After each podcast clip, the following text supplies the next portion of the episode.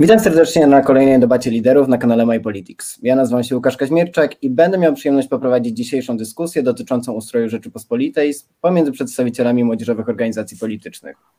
Moimi gośćmi są Sebastian Gaweł, członek Rady Krajowej Forum Federacji Młodych Socjaldemokratów. Dzień dobry. Cześć, Cześć dzień dobry. Maksymilian Henzel, członek Rady Krajowej Młodych Nowoczesnych i wiceprzewodniczący regionu mazowieckiego tejże organizacji. Cześć, dobry wieczór. Jakub Luber, regionalny lider Forum Młodych Ludowców z województwa kujawsko-pomorskiego. Dzień dobry. Cześć. E, Piotr Okulski, koordynator do spraw social media przy Zarządzie Krajowym Forum Młodych PiS. Cześć. Dobry wieczór, dobry. panie redaktorze, dobry wieczór państwu. E, Sylwester Stachurski, rzecznik prasowy Klubu Młodych Stowarzyszenia dla Polski. Cześć, dzień dobry.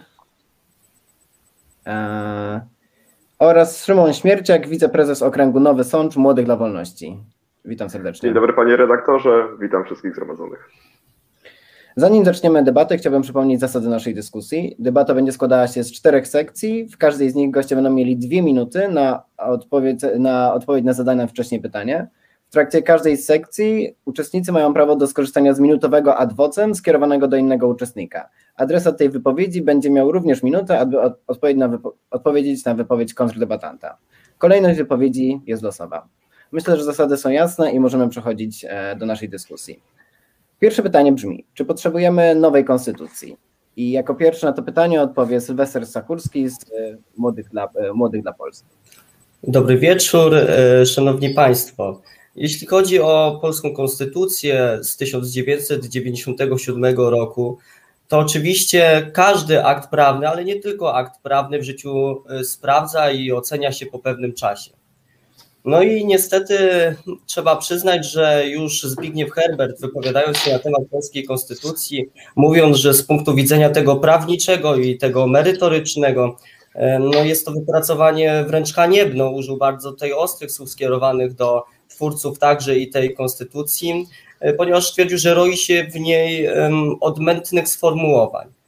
I tak samo, Szanowni Państwo, możemy powiedzieć, że dzisiaj troszeczkę po kłosie y, możemy tych słów, a w zasadzie racji tych słów zobaczyć w praktyce po tych e, latach, ponad 20 latach, kiedy ona rzeczywiście e, obowiązuje. No, samo referendum, w tym referendum wzięło udział niestety, ale nie większość Polaków, tylko ponad 42%, z czego 46% ponad było e, tej konstytucji przeciwnych, więc to nie jest jakiś oszałamiający wynik, więc ona nie została przyjęta jednogłośnie. No jednak prawo pozwala na przyjęcie e, takiego referendum i wprowadzenia tak, tego najważniejszego aktu prawnego w państwie w życie.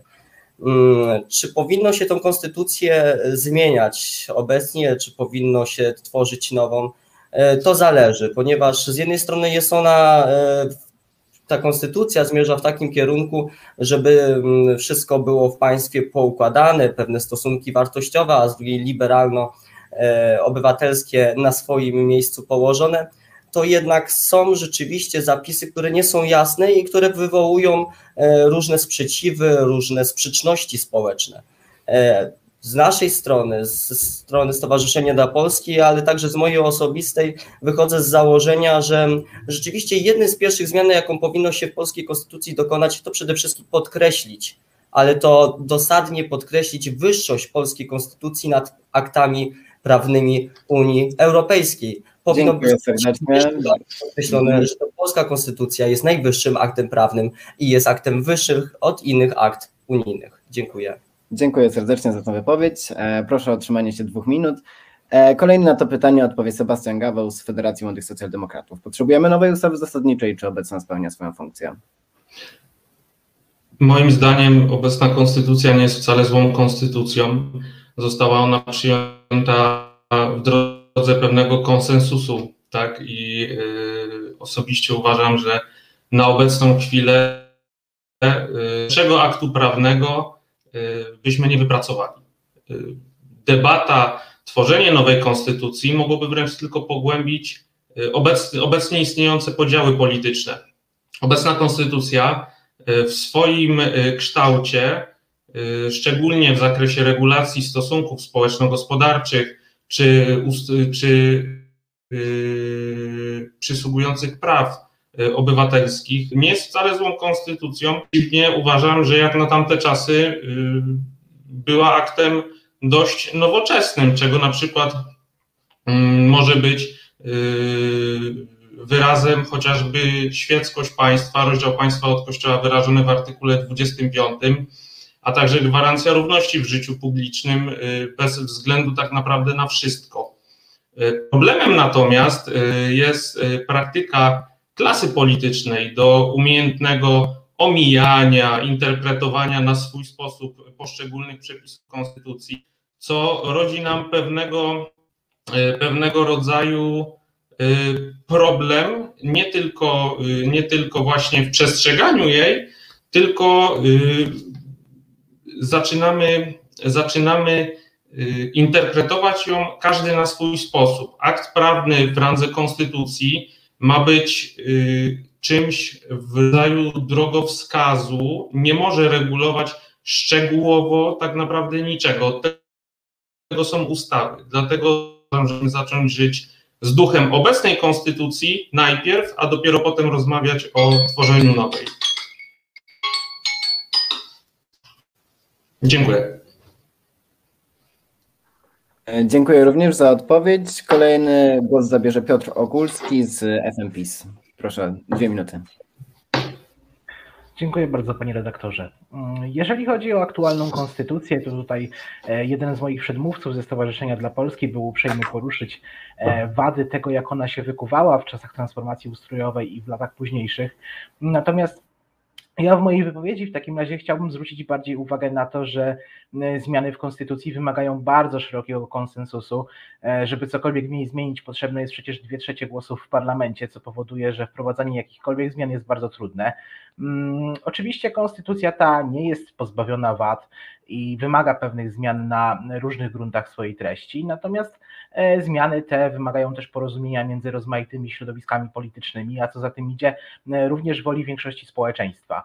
E, dzisiaj takiej woli nie ma, żeby tę konstytucję zmieniać pośród większości obywateli, więc też myślę, że ten temat nie jest na wokandzie, szczególnie w obliczu obecnych problemów związanych chociażby z pandemią COVID-19. Natomiast ostatnio istotnym tematem medialnym była propozycja bardzo propagandowa, należy podkreślić, propozycja e, ze strony przewodniczącego Platformy Obywatelskiej, pana Donalda Tuska, e, który stwierdził, żeby wpisać członkostwo w Unii Europejskiej Polski do konstytucji.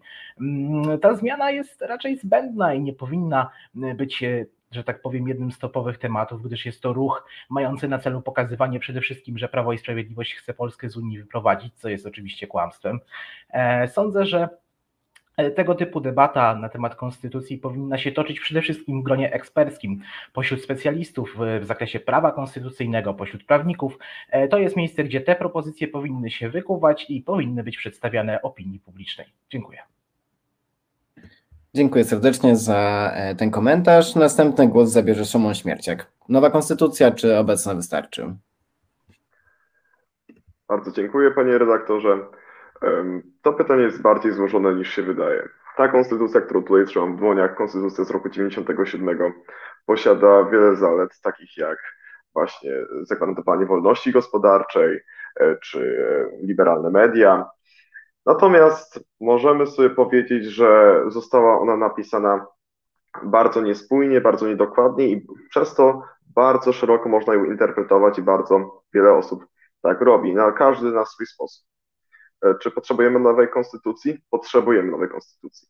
Tylko problem jest taki, że w obecnej Polsce nie ma siły politycznej, nie ma na tyle dużego ruchu, by móc taką nową konstytucję wprowadzić. Dlatego stoję, stoję razem ze swoją młodzieżówką na stanowisku, że musimy obecną konstytucję zreformować, e, wprowadzić wiele zmian, między innymi e, ustawy organiczne, sędziów pokoju, znieść próg referendalny. To są pewne e, aspekty, które można w tej konstytucji zmienić. Tak, potrzebujemy e, w tych sprawach konsensusu i to ponadpartyjnego. Możemy także wyszczególnić w konstytucji zmianę sposobu przeliczania głosów, zmianę z, właśnie w systemie proporcjonalnym z metody Donta na metodę Sandlagi. To są te cele, które powinniśmy realizować. Konstytucja została e, napisana dzięki współpracy czterech partii. E, Unii Wolności, e, Sojuszu Lewicy Demokratycznej, Unii Pracy, a także PSL-u. I jest też pewnym symbolem przez swoją niedokładność, jak trzecia RP wygląda. To jest pomnik trzeciej RP. Pomnik, który niestety bardzo szybko runie, jeżeli nie wprowadzi się odpowiednich zmian. Bardzo dziękuję. Ja również dziękuję, a teraz proszę o zabranie głosu Maksymiliana Henzela z Młodych Nowoczesnych. Nie mam wątpliwości, że przy sprzyjających warunkach politycznych musimy wprowadzić pewne zmiany ustrojowe, szczególnie takie w celu ochrony naszej demokracji, społeczeństwa obywatelskiego oraz żeby wzmocnić silne i niezależne instytucje państwa. Znaczy, ostatnie lata szczególnie wyraźnie nam pokazały, jak ważne są to kwestie, kiedy obowiązująca już konstytucja była wielokrotnie gwałcona, więc oczywiście pierwszym krokiem w dobrą stronę byłoby przestrzeganie jej obecnych zapisów. E, no ale potrzebujemy zmian w konstytucji e, z tych wcześniej wspomnianych powodów, e, jako wyciągnięcie wniosków z sytuacji z ostatnich lat i rządów populistów, ale ta, i ta, też tak, takich zmian, żeby dostosować ustawę zasadniczą po prostu do obecnej rzeczywistości. W tej kwestii potrzebujemy oczywiście szerokiego porozumienia i możliwie skutecznego konsensusu politycznego, tak żeby wzmocnić nasze państwo, ale nie narazić się na próby zmian konstytucji co kilka lat, czy przez kolejne ekipy rządzące. Jakie mogłyby być to konkretnie zmiany, e, chociażby wpisanie do konstytucji pro, prokuratury urzędu pro, prokuratora generalnego, który musiałby, ma, musi zostać niezależnym organem e, i musi być umocowany w konstytucji. E, mogłoby to być wprowadzenie kategorii prawnej ustaw konstytucyjnych, czyli ustaw o wyższej, wyższej randze niż ustawy zwykłe, które, ustawy, które dotyczą kwestii ustrojowych, takie jak o, o Trybunale Konstytucyjnym, Krajowej Radzie Sądownictwa, Sądzie Najwyższym, ale też te przepisy dotyczące Urzędu Rzecznika Praw Obywatelskich, E, które są ujęte w Konstytucji, no ale szczegółowo precyzowane przez e, ustawy, które mogłyby być wyższe rangą, tak żeby trudniej je było zmienić. Tutaj obowiązywałby e, specjalny tryb uchwalania, chociażby przez większość kwalifikowaną 3 piątych głosów, no i odpowiednio wydłużoną ścieżkę legislacyjną. Warto by też, myślę, że w Konstytucji wzmocnić rolę samorządu, który jest jednym z naszych największych sukcesów transformacji, a który to wpływa w gruncie rzeczy na jakość naszego codziennego życia. Więc wpisanie Konstytucji Samorządu Wojewódzkiego z obecnym podziałem terytorialnym e, powinno pójść też w parze za decentralizacją e, w tym obszarze poprzez przekazanie właśnie części zadań państwa do e, tegoż samorządu. Dziękuję serdecznie za tę wypowiedź. E, ostatni głos zabierze przedstawiciel Forum Młodych Ludowców. No i tu właśnie chciałbym się zapytać o to członkostwo Polski w Unii Europejskiej, bo to nie jest nowy pomysł, który proponuje teraz Donald Tusk, bo już w ubiegłym roku Władysław Kośniak-Kamysz proponował to. Czy PSL podtrzymuje tą opinię, że członkostwo Unii Europejskiej powinno być wpisane do Konstytucji? Dziękuję. Nie, no jasno, oczywiście, że tak. E, bardzo się cieszę, bardzo mi miło i przyjemnie, że padło tutaj, że to pierwszy Kośniak-Kamysz zaproponował wpisanie Konstytucji do Unii Europejskiej. E, wpisanie członkostwa Unii Europejskiej do Konstytucji. I wbrew temu, co padło przedtem w tej debacie, ja to myślę, że muszę sprostować, to, to wcale nie jest zabieg propagandowy. E, to jest zabieg, który ma sprawdzić sprawczość polityków PiSu, tak? Liczą się czyny, a nie słowa. Wobec tego zamiast mówić, że my nie wyprowadzamy Polski z Unii Europejskiej, niech to pokażą i niech zagłosują za tą poprawką. A jeżeli, a jeżeli nie są za tym, E, chcą Polskę z Unii Europejskiej wyprowadzić, albo nieświadomie to już robią tylnymi drzwiczkami, no to zagłosują przeciwko. Taka jest prawda. Dziękuję, że to zostało poruszone. Do jeszcze jednej rzeczy chciałem się odnieść, która przedtem tutaj dzisiaj padła. E, to znaczy, to jest kwestia e, podkreślenia tego w Konstytucji, że Konstytucja ma prymat nad prawem unijnym. Pragnę zaznaczyć, że w prawie międzynarodowym publicznym jest taka zasada, że jeżeli jakieś państwo, legalne władze tego państwa przystępują do jakiejś umowy, to znaczy, że z góry domyślnie jest traktowane, że ten akt prawny, który podpisują, jest e, spójny z ich konstytucją i z ich prawem e, wewnętrznym. Wobec tego nie ma takiej po prostu potrzeby, żeby to wpisywać, bo to jest jakby oczywiste, jeżeli coś jest niespójne, sprzeczne, to znaczy, że błędy padają po naszej stronie. E, natomiast jeżeli chodzi o tą aktualną konstytucję, ja myślę, że nikt nie spodziewał się, że ktoś będzie na tyle bezczelny jak Jarosław Kaczyński, że zacznie wykorzystywać te luki prawne, które w konstytucji są, w celu zwiększania przez PiS kontroli nad obywatelami zabawa zapałkami nad laskami dynamitu, która naprawdę może się skończyć tragedią.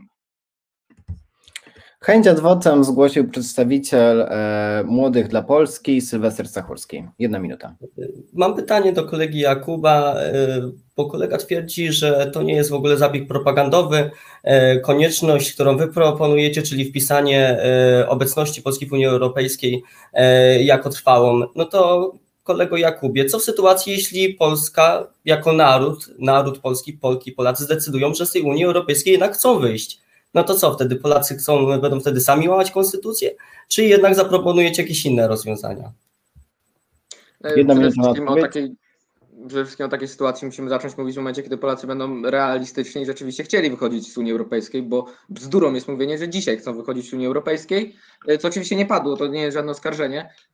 Natomiast pragnę zauważyć, że jeżeli faktycznie zmieni się tendencja, a ona jest raczej pozytywna, jeżeli chodzi o pozostanie w Unii Europejskiej, jest zdecydowana przewaga za tym, żeby w niej zostać. Jeżeli ta tendencja się zmieni, w referendum E, wtedy e, politycy, jako legalni przedstawiciele narodu, mogą taką zmianę konstytucji wykreślającą to członkostwo wtedy znieść i wtedy już będzie ta większość, która ma dwie trzecie do zmiany konstytucji, będzie pokazywała, że faktycznie jest w narodzie chęć Unii, tej Unii Europejskiej wyjścia. Na razie czegoś takiego nie ma, no to jest jakaś abstrakcja, o czym dyskutujemy, to jest kwestia może dziesięcioleci, albo no, polityka jest rzeczą bardzo spodziewaną, więc może nawet e, kilku najbliższych lat. Ale o tym należy dyskutować, kiedy ta tendencja się zmieni. Ona jest na razie niezmienna, stała. Dziękuję serdecznie i to była ostatnia wypowiedź w pierwszym segmencie naszej debaty. E, kolejne pytanie brzmi: czy obecny system parlamentarno-gabinetowy należy zastąpić modelem prezydenckim lub wprost przeciwnie, wprowadzić model parlamentarny? Jako pierwszy na to pytanie odpowie Piotr Okulski z Forum Młodych PiS. Dwie minuty. Dziękuję bardzo. E, jeżeli chodzi o obecny system, to sądzę, że jego podwaliny są rozsądnie rozwiązane i że nie widzę tutaj powodu, aby zmieniać liczbę chociażby senatorów czy, czy też e, posłów. E, myślę, że system ten zapewnia pewnego rodzaju stabilność, stabilność ustroju, mm, z której dziś tak naprawdę czerpie opozycja, wręcz e, można powiedzieć nadużywając tych mechanizmów, gdyż e, większość ustaw jest zamrażanych w Senacie na, maksyma, na maksymalną dopuszczalną długość, jaką jest 30 dni, więc mamy tutaj do czynienia z sytuacją, w której tak naprawdę mm, ten element ustroju jest wręcz wykorzystywany mm, do bieżących rozgrywek politycznych. To oczywiście nie jest pozytywna tendencja, ale pokazuje, że system umożliwia w bardzo bardzo mm, sprawny sposób e, kontrolowanie tego, jak przebiega proces ustawodawczy i to w jaki sposób jest skonstruowana nasza rzeczywistość polityczna. E, co do liczby parlamentarzystów, myślę, że jest ona adekwatna do wielkości kraju, jak i aktualnego podziału administracyjnego. E, każdy okręg będący zbiorem większej miejscowości i miejscowości ją okalających posiada kilku swoich przedstawicieli i myślę, że jest to system uczciwy, jeżeli chodzi tutaj oczywiście o okręgi sejmowe. Jeżeli chodzi o Senat, są to przedstawiciele większych połaci terenu, jest ich stu, mamy więc Izbę Wyższą, piękna tradycja, myślę, że nie należy tego zmieniać. Także reasumując moją wypowiedź, gdyż tutaj komentarz jest po prostu krótki, e, aktualny system działa dobrze, został wypracowany na podstawie e, wieloletnich doświadczeń i nie wydaje mi się, żeby aktualnie pojawiała się jakakolwiek lepsza propozycja, dlatego też system ten powinien być utrzymany. Dziękuję. Ja również bardzo dziękuję, a kolejny na to pytanie odpowie Maksymilian Henzel z Młodych Nowoczesnych. Dwie minuty nie, nie, mam poczucia, że to sam system jest e, problemem w naszym państwie, a raczej jego prawidłowe funkcjonowanie na podstawie już obowiązujących przepisów prawa, które, jak wiemy, nie zawsze są przestrzegane. E, no i samo to już znacząco podniosłoby jakość e, funkcjonowania tego systemu. No ale też należy wprowadzić konieczne zmiany. Tutaj zwróciłbym szczególnie uwagę na system wyborczy. W końcu jedną z cech wyborów do Sejmu jest, jest proporcjonalność, a obecna metoda przeliczania głosów tej proporcjonalności w podziale mandatów nam nie gwarantuje. E, w, warta, myślę, rozważenia byłaby metoda Harania-Mayera, e, no i przy tych zmianach też warto by obniżyć progi wyborcze do, myślę, że 3% dla partii i 5% dla koalicji. E, wzmocniłoby to współpracę polityczną i parlamentarną, no i wymusiłoby budowanie koalicji, co mogą pojawić się głosy, że wpłynie na niestabilność systemu, niestabilność rządów, natomiast myślę, że daje to e, wymuszenie koalicji i współpracy, daje nam wszystkim obywatelom e, bezpieczeństwo z punktu widzenia, z punktu widzenia stabilności państwa. E, dziękuję serdecznie. A kolejny na to pytanie odpowie Szymon Śmierciak z Młodych dla Wolności. Dziękuję. E, czy obecny system parlamentarno-gabinetowy należy zastąpić modelem prezydenckim czy parlamentarnym? E, to pytanie jest też ciekawe. E, warto przy tym, gdy zastanawiamy się nad tym tematem, spojrzeć na frekwencję przy różnych wyborach. I tak, w wyborach, których frekwencja była najwyższa, to wybory prezydenckie 95 z 2020, potem parlamentarne z 89 19, a potem praktycznie same prezydenckie co jasno wskazuje, że e, wybory prezydenckie bardziej działają na wyobraźnię wyborców, bardziej pchają ich do pójścia do urn. bardziej są im bliższe. Ludzie bardziej wolą głosować na człowieka, aniżeli na partię. Dlatego jesteśmy zdecydowani, jako partia Korwin, jako Młodzież dla Wolności, by zmienić obecny system. Bardzo dużo mówiło się o tym, żeby wprowadzić system prezydencki. Niestety poza Stanami Zjednoczonymi nigdzie ten system zbytnio dobrze nie działa, dlatego dobrą opcją byłoby wprowadzenie systemu semiprezydenckiego. Takim jak na przykład funkcjonuje we Francji. Tam prezydent jest, e, wyznacza e, premiera, innych członków rządu, którzy są przed nim odpowiedzialni i mogą zostać przez niego zdymisjonowani. Głowa państwa przewodniczy także posiedzeniom rządu, w związku z czym ma możliwość wpływania na jego decyzje. Prezydent końcu staje się prawdziwym e, podmiotem w dyskusji, jeżeli chodzi o władzę wykonawczą, nie tak jak teraz, gdy, gdy jest tak naprawdę długopisem partii rządzącej. E, musimy sobie powiedzieć jasno, że prezydent musi mieć dużo większe uprawnienia. E, musi naprawdę stać się prawdziwą głową państwa i myślę, że system semiprezydencki z, nadal z Sejmem i Senatem E, może troszkę zreformowanym, o czym będziemy mówić potem, e, zapewni e, właśnie odpowiedni balans i zapewni odpowiednie prerogatywy prezydentowi. Dziękuję za odpowiedź. Chęć adwocem zgłosiło dwóch przedstawicieli. Pierwszy będzie Sylwester Stachurski. Jedna minuta. Mm, ja bym miał prośbę do kolegi z Młodych dla Wolności, że zanim nazwie prezydenta Dudę długopisem, niech spojrzy w statystyki i na to, ile ustaw zawetował prezydent Duda, ile zawetował na przykład e, prezydent Komorowski czy Kwaśniewski. A wtedy zobaczy, że takim długopisem po prostu nie jest, a to tylko tempa propaganda Platformy Obywatelskiej i TVN. E, Szymon Śmierciak, jedna minuta. E, tutaj z kolegą e, Stachurskim możemy wyliczyć sobie tak w nieskończoność to, czego prezydent Duda zrobił albo nie zrobił.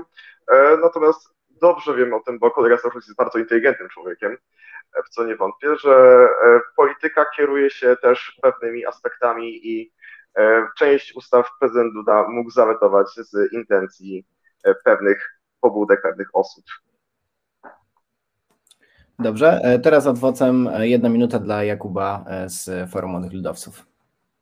Znaczy, ja chciałem zapytać o ten system semiprezydencki, bo we Francji on też e, nie funkcjonuje w momencie, kiedy prezydent jest z innej partii, aniżeli większość yy, parlamentarna. E, taki, to, takie zjawisko nazywa się kohabitacją i w Polsce mielibyśmy w takiej sytuacji pad ustawodawczy, mniej więcej taki pad, jaki mieliśmy przy Rzeczniku Praw Obywatelskich, że przez kilka miesięcy nie można było wybrać legalnego przedstawiciela. Także myślę, że system semiprezydencki w tym kształcie, jak jest we Francji, jest potężnym zagrożeniem i absolutnie nie nadaje się na polskie realia demokracji ledwo dorastającej. Szymon Śmierciak, jedna minuta na odpowiedź. Oczywiście można dostosować system semiprezydencki do polskich warunków. Oczywiście koabitacja bardzo często e, występowała w systemie francuskim e, i przy odpowiedniej ordynacji wyborczej, przy odpowiednim e, systemie, czy to mieszanym, czy to proporcjonalnym z metodą stanu lagi, moglibyśmy te dziury, które są w tym systemie, załatać. Okej, okay. dziękuję bardzo. Teraz kolejny na pytanie, czy system parlamentarno-gabinetowy należy zastąpić systemem prezydenckim bądź systemem parlamentarnym, odpowie Sebastian Gaweł z FMS-u. Dwie minuty. Osobiście uważam, że system e, ustroju, ustroju e, należy postrzegać przez czytelność dla przeciętnego wyborcy. Obecny system, e, w mojej opinii, dla przeciętnego wyborcy troszeczkę się rozmywa, a przede wszystkim rozmywają się kompetencje poszczególnych organów, czy to prezydenta, czy rządu. I dobrym takim przykładem jest na przykład kampanie, obie kampanie Andrzeja Dudy i ta z 2015 roku, i ta z 2020 roku. W 2015 roku, kiedy Andrzej Duda szedł w zasadzie w tandemie z Beatą Szydłą, z Beatą e, Szydło, e, dostrzegliśmy coś takiego, że tak naprawdę e, w pewnym sensie wybór Andrzeja Dudy został w jakiś magiczny sposób powiązany z tym, co rząd będzie, rząd Prawa i Sprawiedliwości będzie wprowadzał. Natomiast w 2020 roku kampania już przybrała taki troszeczkę mm, wygląd wzajemnego przerzucania się, co prezydent zrobi, bądź co druga strona nie zrobi, tylko że nie były to najczęściej kompetencje prezydenta. W tej sytuacji, w tej sytuacji przeciętny wyborca tak do końca moim zdaniem mm, nie, nie jest świadom, co jest kompetencją prezydenta, a co jest kompetencją rządu. Z drugiej strony podświadomie czuje, że głosując na człowieka, yy, oddaje mu swój głos, a jednocześnie głosując na partię, o czym już wspominał przedstawiciel Młodych dla Wolności, tak naprawdę kto będzie pełnił urząd premiera jest yy, takim, tak, takim jajkiem niespodzianką. Nie, wy, wyborca tego nie wie. Przyjęło się, że jest to owszem przewodniczący tej zwycięskiej partii, ale jak wiemy, prezes Kaczyński zadowala się rządzeniem z fotela, z drugiego fotela. I, nas, i premierem była Beata Szydła, później Mateusz Morawiecki, więc faktycznie raczej skłaniałbym się troszeczkę ku wzmocnieniu parlamentu, a jednocześnie wzmocnieniu pozycji prezydenta. Dziękuję. Dziękuję bardzo. E, teraz głos zabierze Jakub Bluber, przedstawiciel FML. System parlamentarno-gabinetowy, system parlamentarny czy system prezydencki?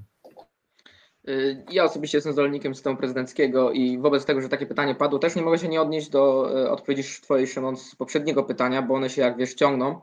E, no bo zmiana ordynacji wyborczej w systemie semiprezydenckim nie zmieniłaby, dalej nie usunęłaby zagrożenia kohabitacji. Także to na, trzeba podkreślić, to zmiana ordynacji nie ma niestety nic wspólnego z tym, aby uniknąć kohabitacji. Jeżeli nie w tej formie, to w jakiejś innej po prostu ta kohabitacja nastąpi. Natomiast musimy pamiętać, że Konstytucja Polski była pisana w momencie, kiedy u władzy był jako prezydent Lech Wałęsa. W związku z tym pewne środowiska, które zajmowały się tworzeniem tej konstytucji, e, patrz, spoglądały na to z tej perspektywy, że kiedyś taki człowiek jak Wałęsa może być prezydentem, w związku z tym no nie powinien być system prezydencki, tylko troszeczkę inny, stąd e, ten pomysł, e, między innymi, bo tam było też wiele innych czynników, systemu parlamentarno-gabinetowego. Nie zapominajmy, że system parlamentarno-gabinetowy sprzyja rozmyciu odpowiedzialności, a my, jako demokracja rozwijająca się, powinniśmy Potrzebujemy systemu prezydenckiego, w którym lider jest jasny. Gdyby dzisiaj był taki system w Polsce, to kandydatem na prezydenta nie byłby ani Andrzej Duda, ani pani Kidawa-Błońska z Koalicji Obywatelskiej. O tytuł lidera i o rzeczywistą władzę nie walczyliby ludzie z tylnych krzeseł, jak przed chwilą zostało powiedziane, jak właśnie Jarosław Kaczyński, tylko yy, no właśnie walczyliby ci ludzie, ale walczyliby w uczciwych wyborach i wygraliby tę walkę pod swoim nazwiskiem, a nie pod partyjnym sztandarem. A ostatnie na pytanie o jaki o system e, polityczny w Polsce odpowie Sylwester Stachurski z e, dla Polski. Czy system jest dobry, czy zły, to bardziej zależy od tego, kto ten system tworzy. No, obecnie mamy e, sytuację bardzo dobrą, ponieważ tym systemem tak jakby zarządza z jednej strony premier Mateusz Morawiecki, który realizuje politykę rządu w sposób bardzo dobry i mający pozytywny wpływ na funkcjonowanie państwa, a z drugiej strony prezydent Duda, który Polskę reprezentuje bardzo godnie na arenie międzynarodowej. No, jestem młodym człowiekiem, a mimo to pamiętam e, już teraz nawet e, mam przed oczami sceny prezydenta Komorowskiego, który skacze gdzieś po krzesłach. W innych państwach mam obraz Ewy Kopacz, która jedzie do Moskwy czy też do Smoleńska w trakcie katastrofy smoleńskiej, gdzie potem e, w sumie kłamie albo ją kłamią Rusy i ona im wierzy. Potem tym bardziej szkodząc rodzinom poległych tam ofiar. Więc to zależy naprawdę od tego, kto ten system tworzy. Obecnie ten system się bardzo dobrze sprawdza. To, co też potwierdzałem, powiedziałem wcześniej swoim adwocem do kolegi z Młodych dla Wolności. Prezydent Duda też nie jest marionetką. On wentuje więcej ustaw, więcej uchwał niż jego poprzednicy. To świadczy o tym, że rzeczywiście ta polityka jest e, na tyle dobrze prowadzona, że każda z tych osób zarządzających tym systemem powoduje, że państwo w całym swoim kształcie realizuje politykę na dobry na ogólny stan państwa bardzo dobrze, co widać także i po wielu innych statystykach. Dziękuję. E, dziękuję bardzo, a chęć adwocem zgłosił Szymon Śmierciak z Młodych dla Wolności. Jedna minuta. E, bardzo dziękuję. Ja zwrócę się do Ciebie, Sylwestrze. Pytaniem Twojego, jak się wydaje, autorytetu może być po angielsku. What mean war? E, prezydent Duda nie, nie jest zbyt godnym reprezentantem Polski na arenie międzynarodowej. Jeżeli pamiętasz, co robił prezydent Komorowski, powinieneś też zapamiętać, co zrobił prezydent Duda. I podejść do tego częściowo krytycznie. Oczywiście, nie jest aż tak źle jak przy prezydencie Komorowskim, ale to nie oznacza, że jest też dobrze. Bardzo dziękuję. No dobrze, e, ale co zrobił źle? Co zrobił źle? Dobrze, może nie będziemy bawić się przepychanki tutaj e, i przejdziemy do kolejnego pytania. E, następnym pytaniem jest, e, następne pytanie jest dosyć podobne w swojej naturze, a brzmi ono, czy należy zreformować parlament, a, a jeśli tak, to w jaki sposób? E, pierwszy na to pytanie odpowie Maksymilian Hensel z Młodych Nowoczesnych. Dwie minuty. Tak, myślę, że, że należy zastanowić się nad jakąś e, reformą parlamentu i tutaj szczególnie skłaniałbym się ku reformie Senatu taki sposób, aby wzmocnić jego rolę i znaczenie w strukturze państwa oraz w parlamencie e, w relacji z Sejmem, tak żeby do odrzucenia poprawek e, Senatu przez Sejm wymagana była większość kwalifikowana 3 piątych, co przełoży się po prostu na jakość stanowionego w Polsce prawa, bo obecnie jest go i zbyt dużo i jest zbyt słabe, bo często pisane na kolanie, bez refleksji, E, i bez przyjmowania żadnych poprawek, nawet tych dobrych. E, warto też byłoby w, w ramach wzmocnienia roli Senatu rozdzielić kadencję Sejmu i Senatu. E, kadencja Senatu wtedy mogłaby być sześcioletnia, tak żeby, tak żeby rozdzielić te wybory, żeby, żebyśmy mogli bardziej skupić się na, na wyborze dobrych reprezentantów do, do obu izb. E, dziękuję bardzo, a kolejny będzie e, Sylwester Sachulski. E, jeśli chodzi o pewne zmiany, jeżeli chodzi o parlament, czy też o reformę, być może likwidację Senatu, no to tutaj należy rzeczywiście podać tą sprawę dyskusji, dlatego że z jednej strony polski system jest tak zbudowany, że ten Senat może mieć wpływ, a z drugiej strony tego wpływu wcale mieć nie musi. Więc tutaj rzeczywiście zasadność tego Senatu powinna być pozostawiona pod e, dyskusję ekspertów, ale także i obywateli. Jeżeli chodzi także o parlament, to myślę, że akurat w tej sprawie każdy obywatel powinien mieć jak najszerszy dostęp do swoich parlamentarzystów. Już przy dzisiejszej liczbie tych parlamentarzystów ten dostęp po prostu nie jest, e, nie jest często możliwy, w związku z tym, że parlamentarzyści mają bardzo dużych e, zadań związanych właśnie ze sprawowaniem mandatu poselskiego i różnych pracach w komisjach, więc myślę, że ta liczba powinna jednak zostać na takim samym poziomie, na którym jest obecnie, ponieważ każdy obywatel powinien mieć możliwość dostępu, czy też możliwość posiadania swojego reprezentanta, e, a zredukowanie tej liczby, pomniejszenie tej liczby by było, myślę, że bardzo szkodliwe. Dobrze. Chęć adwocem zgłosił Piotr Okulski z FMPiS, jak widzę, tak? E, tak, zgadza się. E, ja chciałem się odnieść jeszcze do wcześniejszej wypowiedzi pana Jakuba, ponieważ E, pan Jakub użył takiego ładnie brzmiącego sformułowania o większości kwalifikowanej, co w przypadku Izby Niższej, czyli Sejmu, oznacza większość 276 posłów. Do tej pory mm, w parlamencie nie mieliśmy do czynienia z taką większością ani zarządów koalicji PO-PSL, którego państwa stronnictwo było częścią, e, ani w przypadku e, rządów Prawa i Sprawiedliwości. Więc moje pytanie jest, w jaki sposób chciałby pan uniknąć paraliżu ustawodawczego, jeżeli każda ustawa praktycznie mogłaby być zablokowana przez opozycję w takim momencie? Bo to jest ogromna większość. Gdyby każda, gdyby każde weto Senatu miało być odrzucane taką większością, to oznaczałoby de facto paraliż w sytuacji, kiedy Senat. Ja o tym nie mówiłem, to nie jest pytanie do mnie. Ja o tym nie wspominałem o większości kwalifikowanej. E, rozumiem. Nie, bo, bo, bo, nie mówiłem o tym po prostu w poprzednim pytaniu, bo poprzednie pytanie było na e, trochę inny temat, na temat systemu prezydenckiego. W żadnym momencie nie wspomniałem o takiej większości, także to nie jest pytanie zaadresowane do mnie. Nie, nie, no, to, w sensie do wypowiedzi w tej wydaje mi się, Wydaje mi się, że taką chęć zgłosił Maksymilian z Młodych Nowoczesnych. Zgadza się? Mm, w poprzednim pytaniu mówiłem tylko o metodzie przeliczenia głosów, nie mówiłem o większościach. Okej, okay. E, no dobrze. E, w takim razie rozumiem, natomiast e, głos w sprawie reformy parlamentu zabierze Jakub Luber z FML-u. Dziękuję. No jeżeli chodzi o reformę parlamentu, to ja myślę, że Pierwszą taką kwestią to jest faktycznie ordynacja wyborcza. E, fajnie tutaj padają pomysły, ja się w pełni zgadzam z obniżeniem progu wyborczego e, do 3% dla partii, do 5% dla e, koalicji wyborczych, bo to pokazuje też przykład Europy Zachodniej czy innych krajów, że faktycznie mamy niepotrzebnie tak wysoki ten próg wyborczy. To jest efekt tej traumy z pierwszych wyborów parlamentarnych w latach 90., które pozwalały dziesiątkom partii wchodzić do Sejmu przez to, że nie było progu. E, jeżeli chodzi o system, ja jestem osobiście e, fanem STV.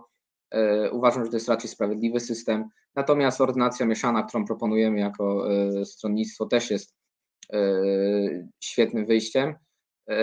Natomiast jeżeli chodzi o w tej chwili zmiany, jakie mogłyby zapaść w parlamencie, takie systemowe, no to myślę, że to jest zwiększenie roli Senatu, ale niekoniecznie pod względem tej większości, o którą zostałem tutaj oskarżony, a której kompletnie nie postulowałem, ale pod kątem dania głosu samorządowcom, żeby stworzyć Senatu Izbę Samorządową, zostawić ją w tym kształcie bez zwiększania żadnych, żadnych innych większości potrzebnych do przebicia, bo raz jeszcze powiem, nie to było tematem mojej żadnej wypowiedzi dzisiaj, ale zwiększenie właśnie głosu samorządowców poprzez po prostu reprezentację samorządu w Senacie, tak? Stworzyć system podobny w pewnym sensie do tego, który mamy dzisiaj w Niemczech. I Izba Wyższa byłaby miejscem, w którym głos byłby mniej polityczny, chociaż jednak polityczny, ale przede wszystkim regionalny. Ja myślę, że to jest ważne i to jest kluczowe. W takie zmiany bym poszedł. Myślę, że takie zmiany są rzeczywiste i raczej realistyczne w dzisiejszym, w dzisiejszej, w dzisiejszej Polsce. Dziękuję bardzo. Kolejny na to pytanie, czy należy zreformować parlament, odpowie Sebastian Gaweł z Federacji Młodych Socjaldemokratów. Dwie minuty. Mnie generalnie bardzo cieszy, że wszyscy chyba, przynajmniej dotychczas z osób, które się wypowiadały, dostrzegamy, jak dużą rolę Senat pełni, przede wszystkim w procesie legislacji. Ostatnie lata tak naprawdę pokazały, że większość jednej opcji, zarówno w Sejmie, jak i w Senacie, a nie daj Boże jeszcze współpracujący prezydent, gwarantują bardzo szybką ścieżkę legislacyjną, niekoniecznie dobrą dla jakości stanowionego prawa, bo niektóre ustawy nie przeleżały w Sejmie doby, a już nacie, a następnie na biurku prezydenta. No nie, nie, nie była to dobra praktyka, dlatego faktycznie bardzo ciekawy pomysł tutaj chyba kolegi z młodych, nowoczesnych odnośnie rozdzielenia wyborów do, do, do izb, osobne wybory w przypadku Senatu, wybory do Sejmu. Rozumiem jednoznaczne z wydłużeniem na przykład kadencji Senatu. Bardzo ciekawy pomysł. I przede wszystkim uważam, że przyłożyłoby się to do takiego zwiększenia troszeczkę zainteresowania wyborami do Senatu, bo mimo wszystko jednak wybory do Sejmu cieszą się taką większą popularnością i to one przywiązują większą uwagę wyborców, a niżeli wybory w jednomandatowych okręgach do Senatu. Dziękuję. Ja również bardzo dziękuję. Czy należy zreformować parlament? Szymon Śmierciak, Młodzi do Wolności. Dwie minuty.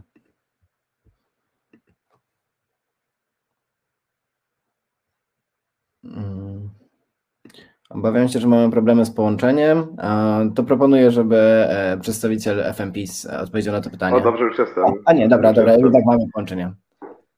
Dobrze, bardzo przepraszam za problem jako techniczny. Dobrze, przechodząc już do meritum, również bardzo się cieszę, że praktycznie wszyscy tutaj poruszyli, jak bardzo ważna jest rola Senatu i tutaj zwracając się do kolegi Kuby z Forum Młodych Ludowców, również postulowałbym wprowadzenie właśnie Izby Samorządowej, zreformowanie Senatu, ale także pomysł rozdzielenia kadencji Sejmu i Senatu również wydaje się bardzo dobrym pomysłem. Wśród jeszcze innych pomysłów, które można zaproponować co do naszego parlamentu, myślę, że warto byłoby spojrzeć, bo rozmawiamy głównie o rządzie, o osobach decyzyjnych. Wartą spojrzenia byłby pomysł, aby tylko ci posłowie, którzy nie głosowali za wotum zaufania dla rządu, mogli wybierać prezesów Najwyższej Izby Kontroli i Centralnego Biura Antykorupcyjnego. Spowodowałoby to, że te organy, które są bardzo ważne w naszym państwie, byłyby zależne od członków opozycji. Łatwiej byłoby patrzeć rządowi na ręce, wszystko byłoby bardziej klarowne. Moglibyśmy, dzięki temu rząd musiałby bardziej uważać. Nieważne kto by rządził, nieważne czy by rządziła Platforma, czy by rządził PSL, czy by, rządziło, czy by rządził PiS. W takiej sytuacji posłowie naprawdę mieliby na tym kontrolę. Wśród tego możemy jeszcze wyróżnić, wśród ciekawych pomysłów możemy wyróżnić również wydłużenie kadencji Sejmu, ale to jest wszystko, prawda, do dyskusji. Dodatkowo myślę, że zmniejszenie liczby posłów również jest dobrym pomysłem przy jednoczesnym zwiększeniu nakładu na biura poselskie. Kto zna jakiegoś posła, ten wie, że zawsze na biura poselskie są przeznaczone bardzo małe środki i dzięki temu można byłoby chociażby zatrudniać członków młodzieżówki, żeby oni też poznawali tą politykę. Dziękuję bardzo. A ostatnie w tym segmencie pytanie, na pytanie odpowie Piotr Okulski z FMPiS. Dwie minuty.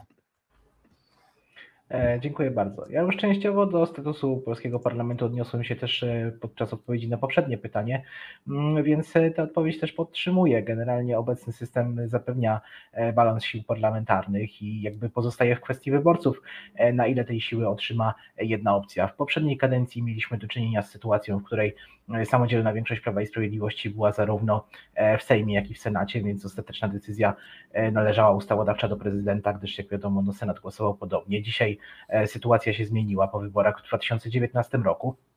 E, myślę też, że e, część z moich przedmówców zmieniłaby zdanie, gdyby ich dotyczyła sytuacja, w której tak silną samodzielną większość ich partia by miała, gdyż ja sobie osobiście nie przypominam wypowiedzi popierających zmianę tego systemu z okresu, kiedy rządziła koalicja PO-PSL i ta większość była dość stabilna. Także tutaj wszystko zależy od punktu siedzenia, jak to się mówi klasycznie, więc to tylko chciałbym podkreślić, że tutaj wygodnie jest tego typu propozycje formułować, kiedy aktualny układ sił parlamentarnych parlamentarnych jest niekorzystny i często z przyczyn pragmatycznych po prostu e, próbuje się mm, zmieniać, czy też dyskutować na temat zmian ustrojowych. Natomiast e, no, z mojej perspektywy system ten jest e, stabilny, jest systemem, który został wypracowany na bazie wieloletnich doświadczeń i jest systemem adekwatnym do tego, jakie mamy doświadczenie, jeżeli chodzi o polską demokrację i, i jak ta demokracja jest skonstruowana i myślę, że parlament powinien pozostać w takiej konstrukcji, w jakiej jest. Dziękuję. Dziękuję serdecznie. Nikt nie, nie zgłosił chęci ad więc przechodzimy do ostatniego pytania, które brzmi: Czy obecnie przestrzegany jest e, w Polsce trójpodział władzy? Jeśli nie, jakie mechanizmy proponujecie, aby go zapewnić? Jako pierwszy na to pytanie odpowie Jakub Luber z Forum Młodych Ludosów. Dwie minuty. E, tak jak powiedziałem e, w pierwszym chyba pytaniu, no, żyjemy w świecie, w którym zaczyna się powoli wykorzystywać luki prawne zawarte w różnych ustawach Między innymi e, ostatnio na szkoleniu e, mecenas użył bardzo dobrego sformułowania na to, co się dzieje. To znaczy porównał, to powiedział, że w tej chwili Zjednoczona Prawica e, jedzie jakby samochodem i powoli wyłącza te wszystkie bezpieczniki. I owszem, tym samochodem można jechać dalej długo, można naprawdę daleko nim zajechać, ale koniec końców bez tych bezpieczników, jeżeli samochód padnie, no to amen i koniec w samochodzie. I tak właśnie jest dzisiaj z naszym trójpodziałem władzy. On jest de facto, i de jure, i de facto, ale powoli te bezpieczniki się wyłącza. Tak? Ja myślę, że mechanizmy, które e, go mogą zapewnić, są mechanizmy, o które powinniśmy przede wszystkim zapytać ekspertów.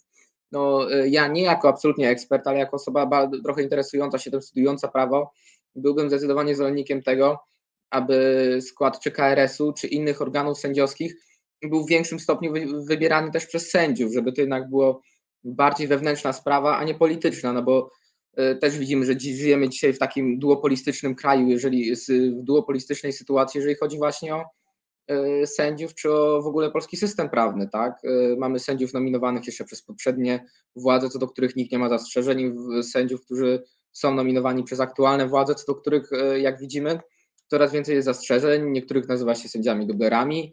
Mamy izbę, izbę dyscyplinarną, która godzi w wartości nie tylko polskie, ale wartości europejskie, E, coraz więcej krajów się odzywa, że jest to e, niegodne e, taki system, taka istnienie w ogóle takiej izby. Sama większość rządząca dopiero teraz się reflektuje, kiedy widzi, że faktycznie inne kraje skutecznie mogą z nami wygrywać sprawy przed europejskimi trybunałami, powołując się właśnie na niesprawiedliwy dobór czy niesprawiedliwą kontrolę nad tymi sędziami w wyniku tej izby.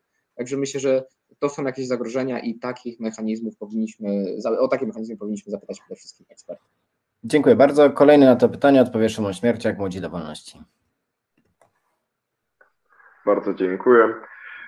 Ja tutaj, jeżeli mówimy o trójpodziale władzy, warto zacytować Montesquieu'a, e, który był zainspirowany dziełami Lockiego i tworzył takie bardzo uznane zdanie, kiedy w tej jednej i samej osobie lub w jednym interesanym ciele władza prawodawcza zespolona jest wykonawczą, nie ma wolności, ponieważ można się lękać, aby ten sam monarcha albo ten sam senat nie stanowił tyrańskich praw, które będzie tyrańską wykonywał. Nie ma również wolności, jeśli władza sądowa nie jest oddzielona od władzy prawodawczej i wykonawczej.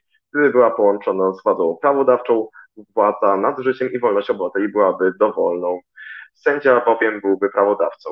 Gdyby była połączona z władzą wykonawczą, sędzia mógłby mieć siłę ciemiężyciela. Nie możemy e, doprowadzać do sytuacji, e, w której e, trójpodział władzy może być zamachany. Nawet najbardziej zatwardziali monarchiści twierdzą, że trójpodział władzy jest potrzebny. Jest to obecnie jedyne możliwe rozwiązanie wewnętrznych problemów państwa. Oczywiście on w Polsce nie jest przestrzegany i nigdy nie był przestrzegany. Cały czas te władze gdzieś tam się zazębiały E, mniej lub bardziej, natomiast podczas kadencji Prawa i Sprawiedliwości widać to e, troszkę bardziej. E, jakie mechanizmy możemy wprowadzić? Na przykład to, co mówił kolega Kuba z Forum Młodych Ludowców odnośnie sędziów do KRS-u, czy także jeżeli chodzi o sędziów Trybunału Konstytucyjnego, wiadomo, Trybunał Konstytucyjny składa się z 15 sędziów wybieranych indywidualnie przez Sejm. Wprowadziłbym zaproponowałbym e, bardziej to, żeby sędziowie do Trybunału Konstytucyjnego byli wybierani tak jak Rzecznik Praw Obywatelskich, czyli przez Sejm i Senat. Tak, by e, obie izby miały wpływ na, e, na, na, na właśnie wybór tych sędziów. Oczywiście mm, podział władzy jest jakąś ideą, jest bardzo oddalony, ale warto o niego walczyć. Dziękuję bardzo. Chęć adwocem zgłosił Jakub Luber z Forum Młodych Ludowców. Jedna minuta. Znaczy, ja bym był mimo wszystko przeciwnikiem tego, aby w jakikolwiek sposób parlament y, powoływał y, skład Trybunału Konstytucyjnego, bo to, że dzisiaj jest taki skład Sejmu i taki skład Senatu, Y, który jakoś gwarantuje kompromisowe podejście do tych wyborów, nie świadczy o tym, że za parę lat tak będzie cały czas. Wobec tego, jeżeli znowu y, większość aktualna rządząca y, zacznie się w te swoje autokratyczne zabawy bawić i w Sejmie, i w Senacie, wówczas dalej będzie występowało takie zagrożenie i myślę, że jednak lepszym jest przełożenie tej kompetencji z całego parlamentu na inne ciało, najlepiej ciało typowo prawnicze. Nie uważasz? Szymon Śmierciak, jedna minuta. To też jest pewna z opcji. E, jakby nie neguje tej możliwości. E, oczywiście w przypadku sędziów do KRS-u e, możliwość wybierania przez innych sędziów jest dobrą opcją. Tak samo jakby nie byłbym przeciwko tej opcji, żeby sędziowie do Trybunału Konstytucyjnego też byli wybierani przez grono sędziowskie. Jakby to też jest jedna z opcji, która jest do rozważenia. Natomiast wiadomym jest, że obecna sytuacja nie jest dobra i wypadałoby ją zmienić. Z tym się chyba wszyscy zgodzimy. E, dziękuję bardzo. A teraz o odpowiedź na pytanie e, dotyczące trójpodziału władzy e, poproszę Piotra Okulskiego z FMPIS. Dziękuję bardzo. Jeżeli chodzi o trójpodział władzy, to jest on oczywiście w Polsce przestrzegany i działa on w sposób prawidłowy. No tutaj mamy przede wszystkim tezy, które mają na celu głównie zaatakowanie obecnego rządu i doszukiwanie się wad, które tak naprawdę e, nie istnieją. Jeżeli chodzi o dyskusje prawne na temat różnych rozwiązań wprowadzanych przez Prawo i Sprawiedliwość, no to e, zawsze znajdą się prawnicy, którzy będą mieli zdanie przeciwne, ale są również tacy, którzy uznają je za całkowicie prawidłowe i ja e, również do tych opinii się przychylam.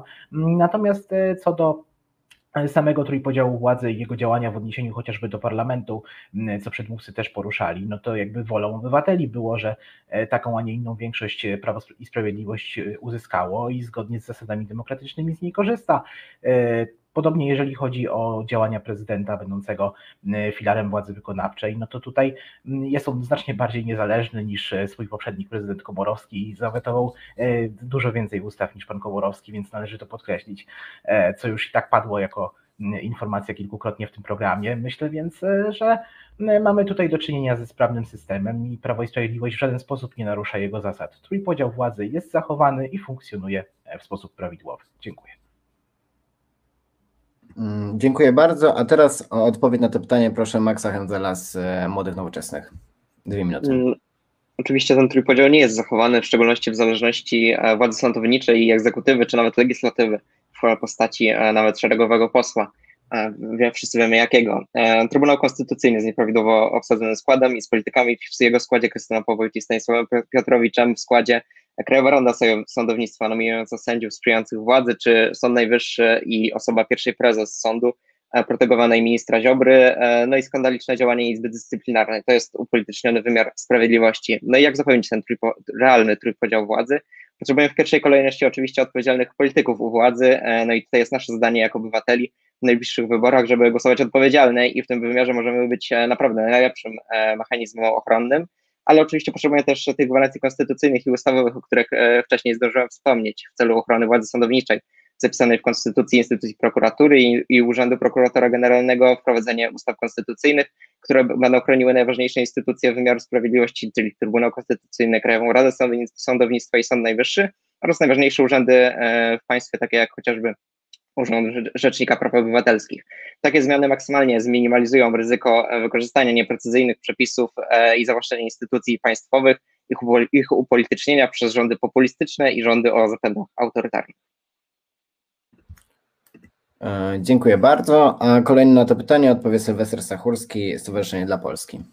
Czy mamy w Polsce zachowany trójpodział władzy? Oczywiście, że tak. Co więcej, ten trójpodział władzy jest jeszcze silniejszy niż kilka lat wcześniej. Mamy prezydenta, który nie jest członkiem żadnej partii politycznej, który wetuje więcej ustaw niż jego poprzednicy. Z drugiej strony mamy także Senat, który jest w rękach opozycji, a jednak e, ten trójpodział władzy cały czas jest i ta nie niezależność tych różnych instytucji, organów tworzących państwo polskie i jego trzy naczelne e, instytucje jest po prostu. E, z drugiej strony mamy także silne oraz coraz bardziej silniejsze sądownictwo, które jest podane różnym reformom, co ważne, bardzo potrzebnym reformom.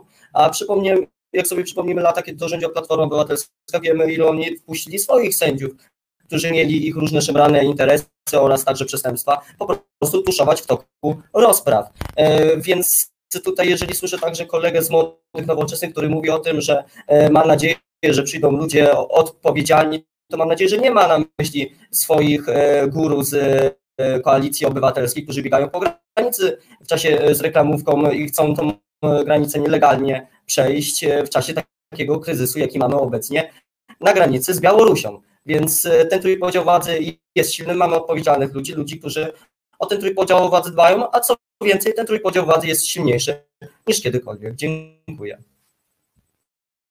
E, ja również dziękuję. I ostatnią wypowiedzią w tej debacie będzie odpowiedź na pytanie dotyczącą trójpodziału władzy przez Sebastiana Gabła z FMS-u. Ja osobiście jestem zdania, że trójpodział władzy nie jest zachowany i nigdy nie był zachowany. Niestety demokracja jest bardzo młoda i nie od razu ją zbudowano. Możemy mieć najcudowniejszą konstytucję, najlepsze ustawy, ale urzędy pełnią ludzie. Ludzie z własnym systemem wartości, ludzie z własnymi naleciałościami i ludzie, którzy w dużej mierze żyli w systemie. Pamiętają poprzedni system i troszeczkę moim zdaniem y, żyją jak w poprzednim systemie, nie kierując się tym demokratycznym i praworządnym duchem obecnej konstytucji, bo obecna konstytucja, jak już wcześniej wspomniałem, jest dobra, jest dobra i na obecną chwilę y, myślę, że lepszej byśmy nie skonstruowali i nie przyjęli. I warto żyć zgodnie z tą konstytucją, a kolejnym rozwiązaniem przede wszystkim powinna być, yy, powinna być kształtowanie ducha y, obywatelskiego, ducha demokratycznego przede wszystkim w szkołach. Edukacja obywatelska ze szczególnym zaznaczeniem y, praw wyborczych, żeby młodzi ludzie mieli świadomość, że mają prawa wyborcze i powinni z nich czynnie korzystać. No oprócz tego myślę, że najwyższa pora na zerwanie cichego porozumienia o nieużywaniu Trybunału Stanu. Myślę, że to w pewnym sensie i mam nadzieję, że przyszły rząd y, zerwie to ciche, y, zawarte dawno temu porozumienie, że nie stawiamy nikogo przed Trybunałem Stanu. Trzeba stawiać przed Trybunałem Stanu, trzeba, y, trzeba wskazywać, kto co robił źle, kto w którym momencie łamał bądź nie łamał konstytucji. Dziękuję. Dziękuję bardzo. To była ostatnia wypowiedź w naszej dzisiejszej debacie. E, moimi gośćmi byli przedstawiciele e, młodzieżówek, e, młodzieżówek politycznych. Zapraszam na godzinę 20.15 na komentarz polityczny na kanale MyPolitics. Poprowadzi go Jan Romanowski. Dobranoc. Dziękuję serdecznie.